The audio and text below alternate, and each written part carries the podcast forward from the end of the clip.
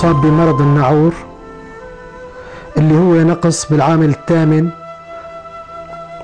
واكتشفت هالشي من عمري سبعة من سنوات. وعانيت منه فترة طويلة. يعني بحيث إذا كنت انجرح أي جرح كان يطول الدم ليوقف لساعات عديدة. بإحدى المرات انجرحت جرح بكتفي من الساعة تسعة المساء للساعة سبعة ونص الصبح. لوقف الدم. وكنت بأكثر الأحوال يعني روح على المشفى لأخذ إبرة العامل الثامن لحتى يوقف الدم. وكنت آكل هم إني كيف بدي أحلو دقني تنجرح. وعانيت فترة طويلة لحتى سمعت بالحجامة. رحت لعند أحد الأخصائيين بالدم رفض يعمل لي الحجامة كونه معي ناعور. حتى رحت لعند طبيب تاني كان شجاع وعمل لي إياها. وعندما صار التخثر طبيعي بعد الحجامة بكي يعني من فرحته بكي. وكان نسبة العامل الثامن صفر. بعد الحجامة عملت تحليل طلع 34% وهلأ امارس حياتي الحمد لله بكل طلاقة وبكل حرية وبحلو دقني. بكل بساطة وإذا انجرحت أي جرح ما في أي مشكلة. يعني ممكن بالبيت بدون ما أضطر للمشفى يعني يكون كل شيء طبيعي. فترة سبع سنين تقريبا صرت أشعر بوجع نصفي تقريبا بالجهة اليمنى من رأسي. فألم شديد مع يعني لا يحتمل أبدا. رحت لعند الطبيب فقال لي قد بالحالة الأولى قال قد يكون من أسنانك. رحت فحصت الأسنان حتى قلعت الحشوة فحص لي إياها الطبيب. فالحمد لله طلع ما في شيء كمان. فرديت مرة ثانية قال لي إنه من عيونك. فرحت على مشفى ابن النفيس وفحصت عيني سووا لي عملية غسيل للعين اليمنى. فأنا لما كان يجي الألم كان يصير معي احمرار بالعين اليمنى حتى تدرف العين دمع كثير بغزارة وما قدر اتحمل نهائيا. حتى نوبات الألم كانت تجي تقريبا ثلاث مرات باليوم. بالليل كمان أحيانا أصاب بنوبتين ثلاثة. يعني هي دائما بدون انقطاع. فهون قال لي الطبيب إنه معك شقيقة ووصف لي حب فأنا يعني توقعت إنه مثلا على هذا الدواء إنه ممكن طيب. بعدين صارحني قال لي إنه هي حبوب يعني مسكنة وهي ما لها علاج. فحتى وصلت لمرحلة إنه وصف لي حب فاليوم. وقال لي إنه ما بتاخذ غير بال يعني النوبة القوية جدا بتاخذ نص حبة. فأنا أول نوبة إجتني بعد ما وصف لي هذا الحب أخذت حبتين كاملين. وما يعني خففت 10% من الألم. ضليت عم اعاني من هذا؟ الالم تقريبا سنتين. وأصحابي كلهم يعني حكوا لي عن الحجامة. وطبعا قريت كتاب الحجامة كمان دواء العجيب. وبعدين بموسم الربيع بالوقت المحدد آه، رحت لعند أحد يعني أصدقائي طبيب هو. وحجمني بفضل رب العالمين من بعد الحجامة فورا من الحجامة الأولى آه، باليوم الأول ما إجتني ولا نوبة. اليوم الثاني نوبة خفيفة بعدين ما عاد اجى ألم نهائيا. أنا كنت عم عالج نفسي من السكري بواسطة المشي. تقريبا من منطقة المزي على منطقة الأنوات. بعد مشي شي ثلاث أربع سنوات حسيت بألم بأسفل قدمي اليسار ألم لا يطاق. خاصة عند الاستيقاظ صباحا. ويتداوم معي كان يستمر على فترات بعدين صار مستمر بشكل كامل. عالجت نفسي عند عدد كبير من الأطباء. ما استفدنا شيء نهائيا صور وتحاليل وأشعة ما ما حدا عرف شو فيه. ناخذ مسكنات ما استفدنا شيء صدفة اجتمعت بالدكتور عبد اللطيف ياسين كتر خيره هو ومجموعة الأطباء الكبيرة اللي قاموا بعمل جيد وعمل خيري يا العالم هي بطريقة الحجامة. قال لي روح جرب معنا. لعل الله سبحانه وتعالى لأنه هي سنة نبوية إنه محتمل تستفيد عليها. رحت فعلا كانت الفائدة. والله كأنه لمسة نبي. بقدمي يعني أربعة أيام من بعد الحجامة ما كان في أي ألم برجلي اليسارية اللي عانيت منه لمدة عام. مريضة بتليف رئوي. ومعي داء بهجات. وعم باخد حب كورتيزون وعم باخد نيفيدين حب نيفيدين. و... ودكتور وصف لي من وزارة الصحة أوميران حب كمان لداء بهجات. فعم باخد هالأدوية كلها وبالليل عم حط أكسجين كمان. قد نفسي كتير كتير عم يضيق وكل هالأدوية ما ارتحت عليها نهائي. وإلي أربع سنين بهالمرض وكتير كتير تعبانة. فهلأ آخر إي- هل- هلأ صار معي إنه دلوني على تعميل حجامة. فرحت عملت أول سنة الحجامة ارتحت كتير كتير ما عدت أحتجت لا دواء ولا أكسجين ولا أي دواء. فارتحت فيها رد كمان صار تاني تاني سنة كمان عم يعملوا الحجامة كمان عملتها وهلأ بصحة جيدة أنا ومرتاحة كتير. شعرت في ألم في يدي اليسرى وفي أسفل الرأس.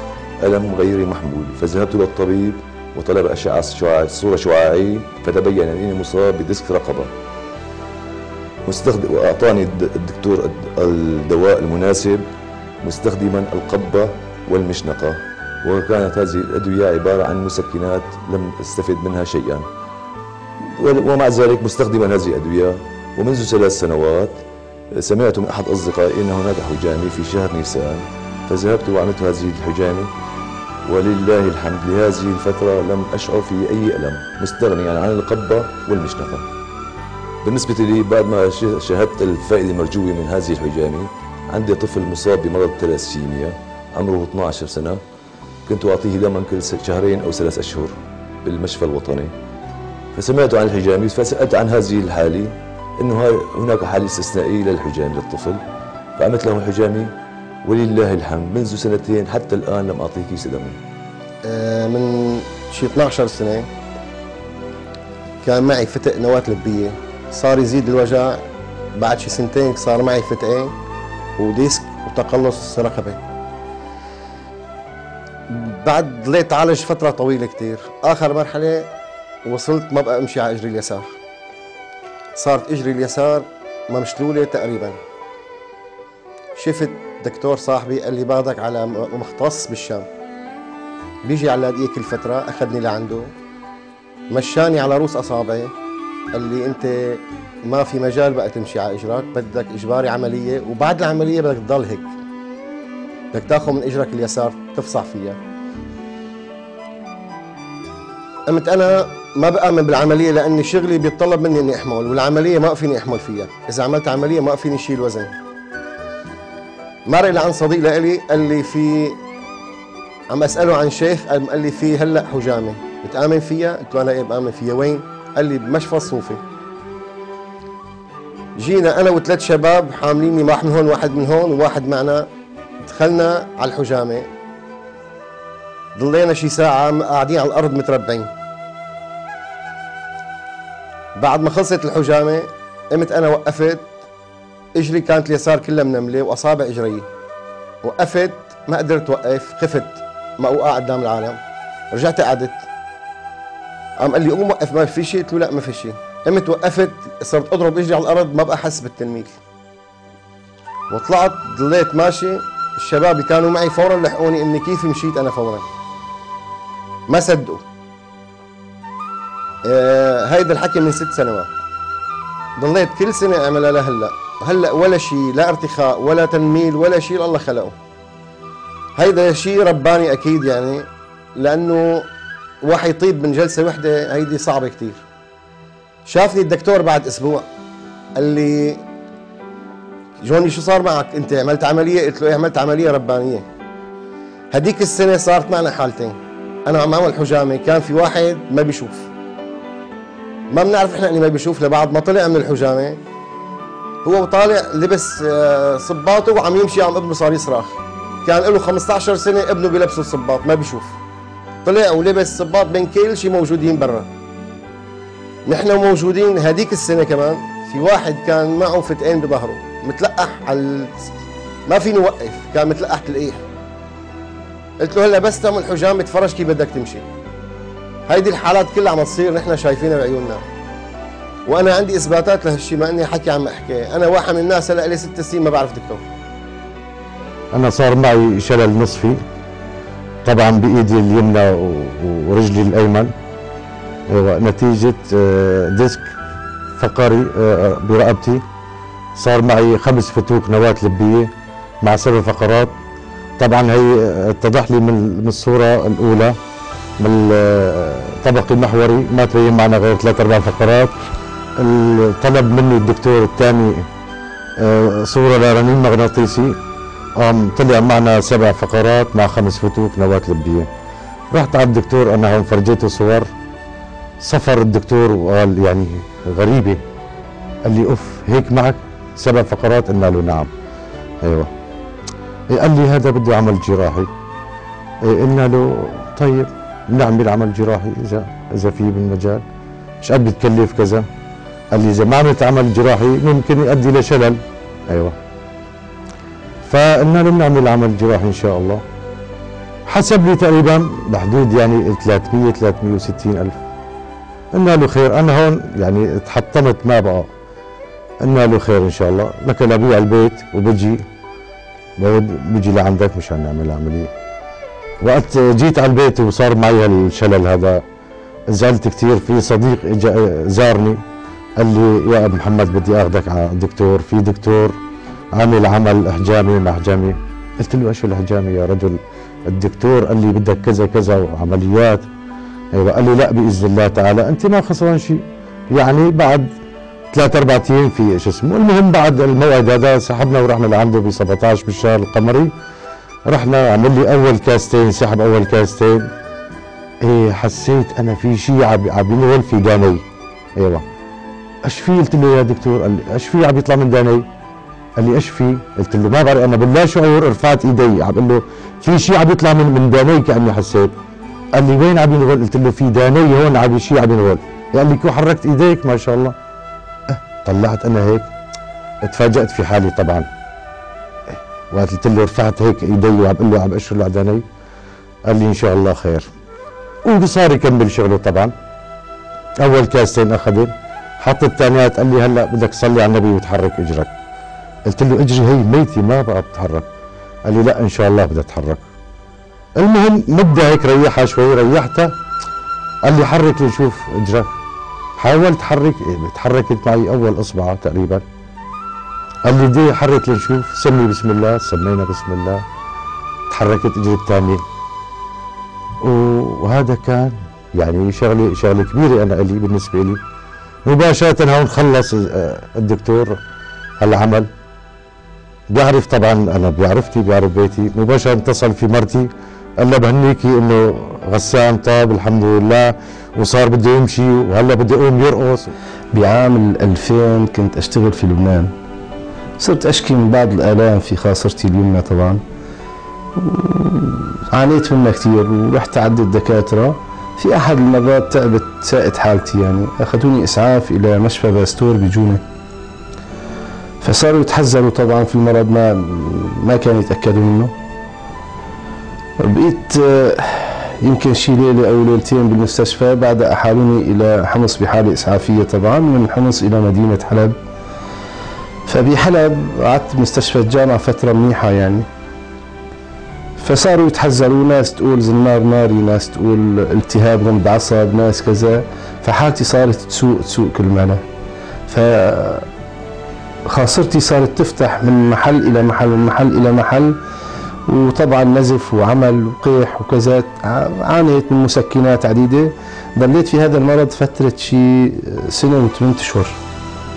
طبعا أنا ما عديم الحركة تقريبا صرت من هذا المرض. فبأحد المرات بيذكروا قدامي موضوع الحجامة. أنا طبعا ما كنت بعرف شو الحجامة. فقال يا أخي الحجامة عبارة عن سنة عن الرسول عليه الصلاة والسلام كذا وفهموني وضعه. ففي اليوم ذاته اعتمدوا رحنا على أساس أنحجم طبعا. وانحجمت الحمد لله فبهذا الصباح بعد الحجامة بساعة قمت مارست عملي بعد السنة وثمانية أشهر كنت قاعد بالفرشة ما أتحرك. فالله أكرمني الحمد لله وفي عندي ثوابت أنا يعني لا تزال موجودة بخاصرتي الدلائل والعلامات والتشوه اللي صار في جسدي من هذا المرض. فمن بعد الحجامة الحمد لله رب العالمين. هلا صار لي تقريبا أربع سنوات عم بمارس عملي تماما وهذا المرض ما عاد عودني بالمرة الحمد لله رب العالمين. كثر الحديث في الآونة الأخيرة عن العلاج بالطب البديل ومدى فوائده في علاج الكثير من الأمراض التي تصيب الإنسان. فقد أصبح هذا الطب أكثر شيوعا في العالم ويزداد انتشاره عالميا. إذ أصبح 8% من سكان أفريقيا يستخدمونه وفي فرنسا بلغ عدد المرضى الذين يعتمدون على الطب البديل في معالجة الآلام والوقاية من الأمراض 75% من السكان. وهم يستخدمون هذا الطب مرة واحدة على الأقل. وفي ألمانيا 77% وفي بريطانيا تصل نفقات هذا الطب بحدود 2300 مليون دولار أمريكي سنويا. وقد قدمت منظمة الصحة العالمية صيغة استراتيجية عمل واسعة للطب البديل بين عامي 2002 و2005 جاء في أحد بنودها إن الاعتراف بالطب البديل يساعد الدول لتطوير سياسات وبرامج للطب البديل. كما اعتبرت منظمة الصحة العالمية وصنفت 43 حالة مرضية يمكن أن تكون معالجتها فعالة بطرائق الطب البديل والتي على رأسها الحجامة. منها الأذيات العضلية العظمية الاضطرابات الهضمية الإصابات التنفسية مشاكل الصحة المتعلقة بالنساء. وتعد الدراسة التي أجراها فريق طبي سوري كبير على الحجامة سنة 2000 نواة أولية وجهت أنظار كثير من الجامعات والباحثين في العالم نحو هذا الطب الأصيل.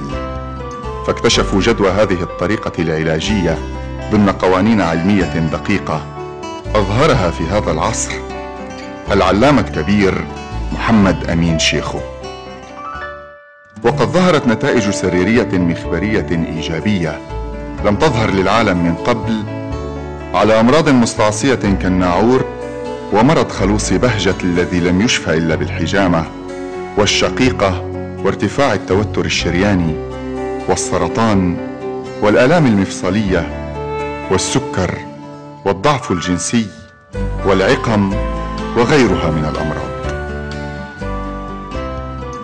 ففي سنة الألفين أجريت الدراسات على ثلاثمائة عينة علما أنه كان هناك دراسة مستمرة منذ أكثر من عشر سنوات مقتصرة على جهود فردية كانت هي الدافع المشجع للدراسات الأشمل التي صارت في سنة الألفين وما بعدها. ثم في سنة 2003 قامت الدراسات على 600 عينة أخرى. ما قام به الفريق الطبي السوري الذي يقوم بدراسة نتائج الحجامة بطرق علمية موثوقة تماما. الطرق العلمية تقوم على فحص المريض قبل الحجامة وأخذ عينات من دمه ثم تقوم على أخذ عينات من دمه مرة ثانية بعد الحجامة وقد تبين أن الفارق كبير جدا بين الدم المأخوذ قبل الحجامة والدم المأخوذ بعد الحجامة والدراسة الطبية مستمرة والنتائج الإيجابية تدعو للإعجاب والدهشة في التقدم الطبي.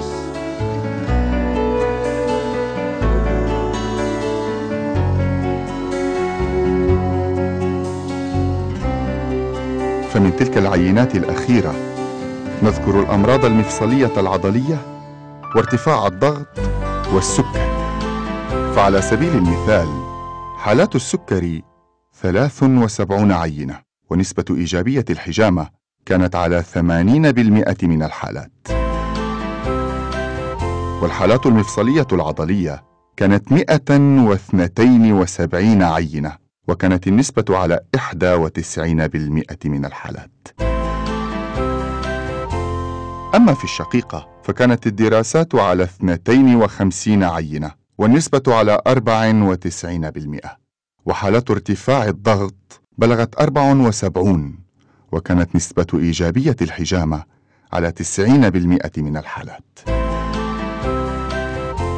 والهيموفيليا 19 حالة ونسبة إيجابية هذه المعالجة كانت على أكثر من 90% وقد أكد الفريق الطبي أن هذه الفائدة التي جناها مرضى الهيموفيليا الذي لا يرقأ فيه الدم بسبب نقص العامل الثامن من الحجامة يعتبر إعجازا علميا طبيا للحجامة. علما أن هناك عدة أمراض أخرى كانت النتائج إيجابية ولكن بنسبة أقل.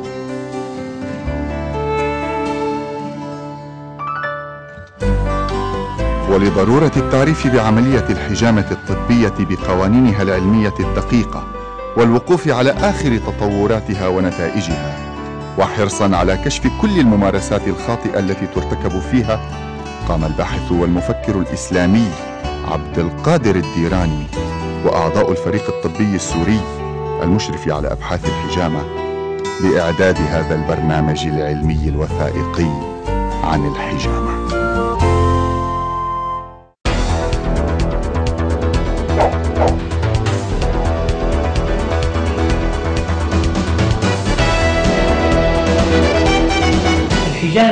يمكن أن تعرف طبيا بأنها عملية جراحية بسيطة تجري على منطقة الكاهل من البدن والغاية منها تخليص البدن من كافة الترسبات الدموية والسموم الحاصلة في البدن. مما يعطي لهذا البدن بعد عملية الحجامة دفعا قويا يسمح له بزيادة مناعته وزيادة القدرة على الشفاء.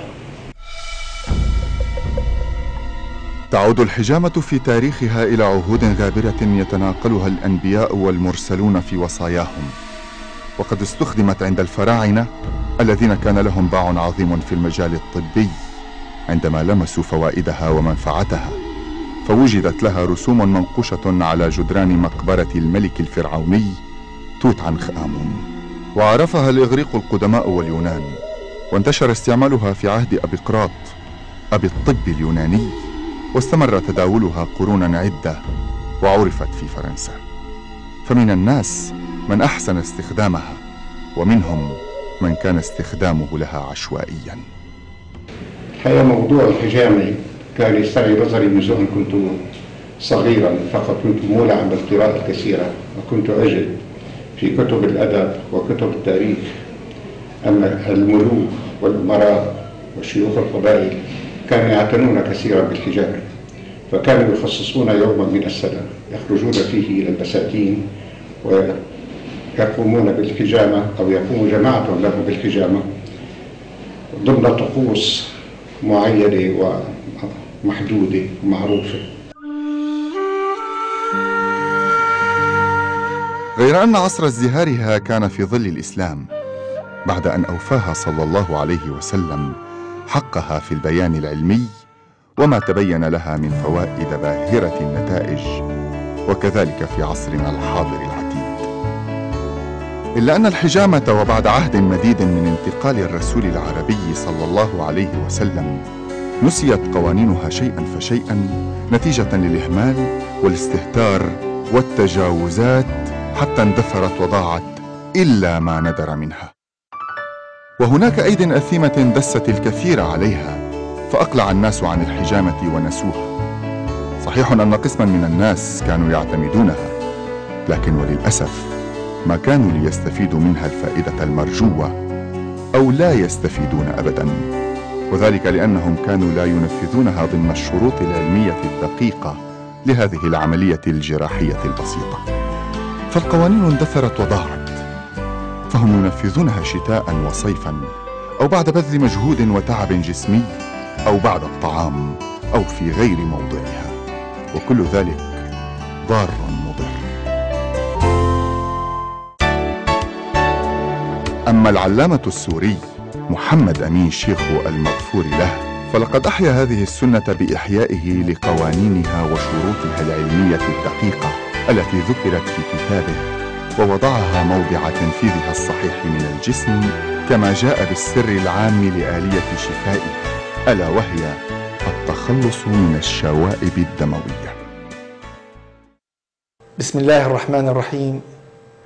لقد كانت فكرة إعداد كتاب طبي عن الحجامة ناشئة من خلال جمع الدراسات من تحاليل طبية ومخبرية وحالات سريرية في التحسن والشفاء.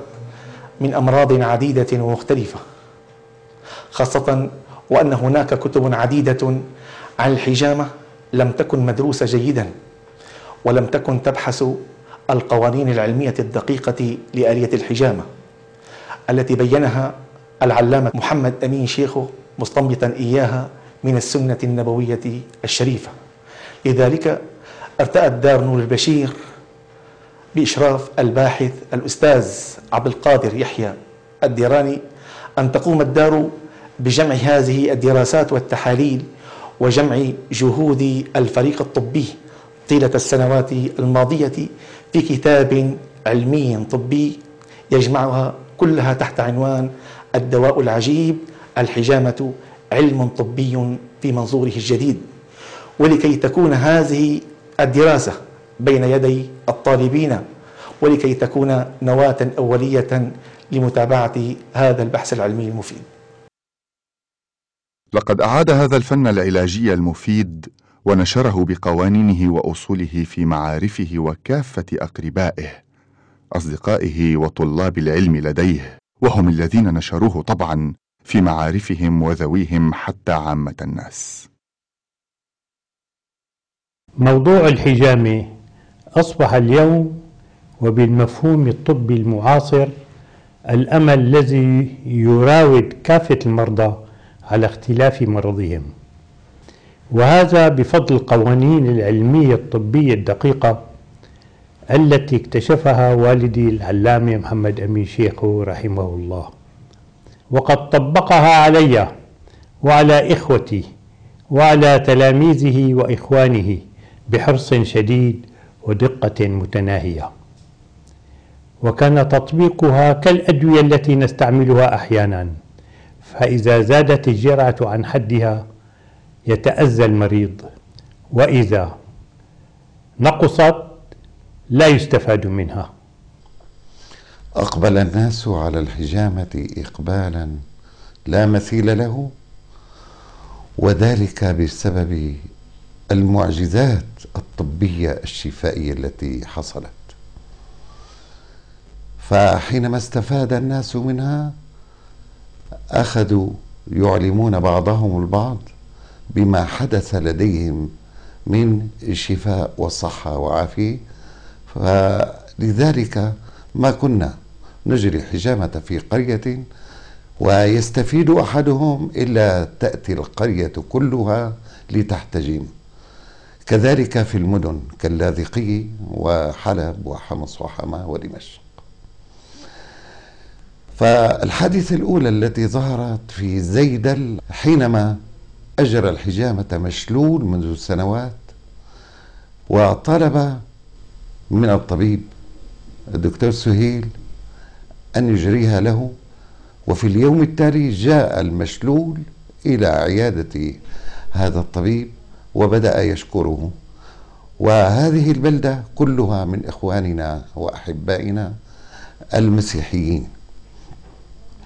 فلذلك حجموا في الكنيسة كما حجم وادي النصارى كله لأنه كانوا يستفيدون من معجزات هذا الطب العجيب. ثم سرت إلى حلب وإلى إخواننا الأمان وإلى جبل العرب. أما المسلمون فقد أقبلوا عليها إقبالا عظيما ثم أخذ أهل لبنان الشقيق والجزائر الحبيبة وحتى الدول الأوروبية كسويسرا والسويد وألمانيا بدأوا يجرون هذا الطب ويتبنوه لشفاءاته العجيبة. وهكذا سار هذا الطب طب الحجامة كمسرى الليل والنهار في العالم كله وقامت جامعات كثيرة في أمريكا بدراسة هذا الطب الجديد ومستشفيات روسيا أيضا واهتمت الصين اهتماما بالغا فيه. وذلك لأنه بهذه الشروط وبهذه القوانين إذا طبقت بحذافيرها لا يحدث إطلاقا أي تأثير جانبي ولا أي ضرر. وهكذا حتى صار للحجامة انتشار واسع في كثير من البلاد وذلك لما وجد الناس فيها من فائدة علمية عظيمة نفسية وجسدية فأقبلوا عليها بشكل كبير في السنوات الأخيرة بالعالم كله. لما تحقق بها من معجزات شفاء أو تحسن لأمراض العصر المستعصية.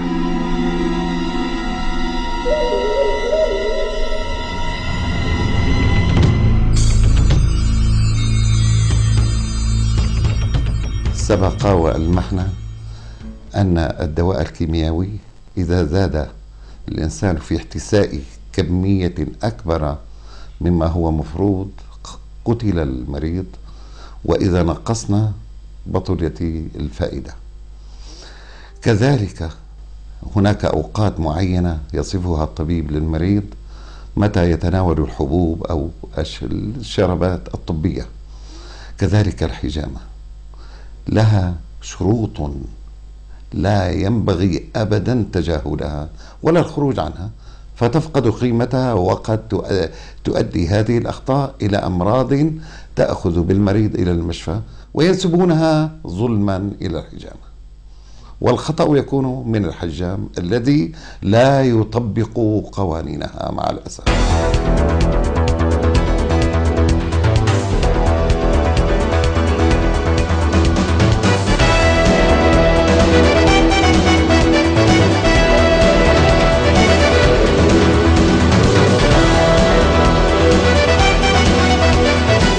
نبتدئ بالشروط المكانية المهمة أن الشرط المكاني الوحيد هو في منطقة الكاهل لأن الدم أو الرسوبات الموجودة في جسم الإنسان والدم العاطل أي الذي بلغ ما يزيد عن 120 يوما هذا لا يشتغل ولكنه يتغذى على حساب الجسم كالطفيليين وأيضا أشباح الخلايا والشذرات التي تسبب الجلطات في أنحاء الجسم.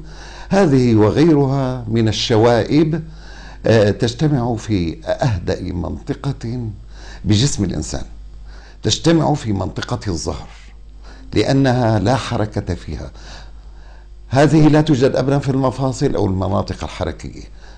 هذه المنطقة هادئة جدا.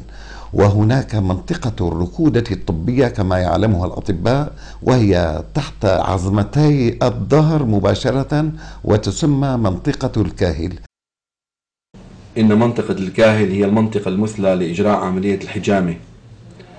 فهي تتميز بأنها من أكثر المناطق ركودة في جسم الإنسان لما تتصف به من أنها منطقة خالية من المفاصل. والعضلات الموجودة فيها هي عضلات شد وتثبيت للعظام.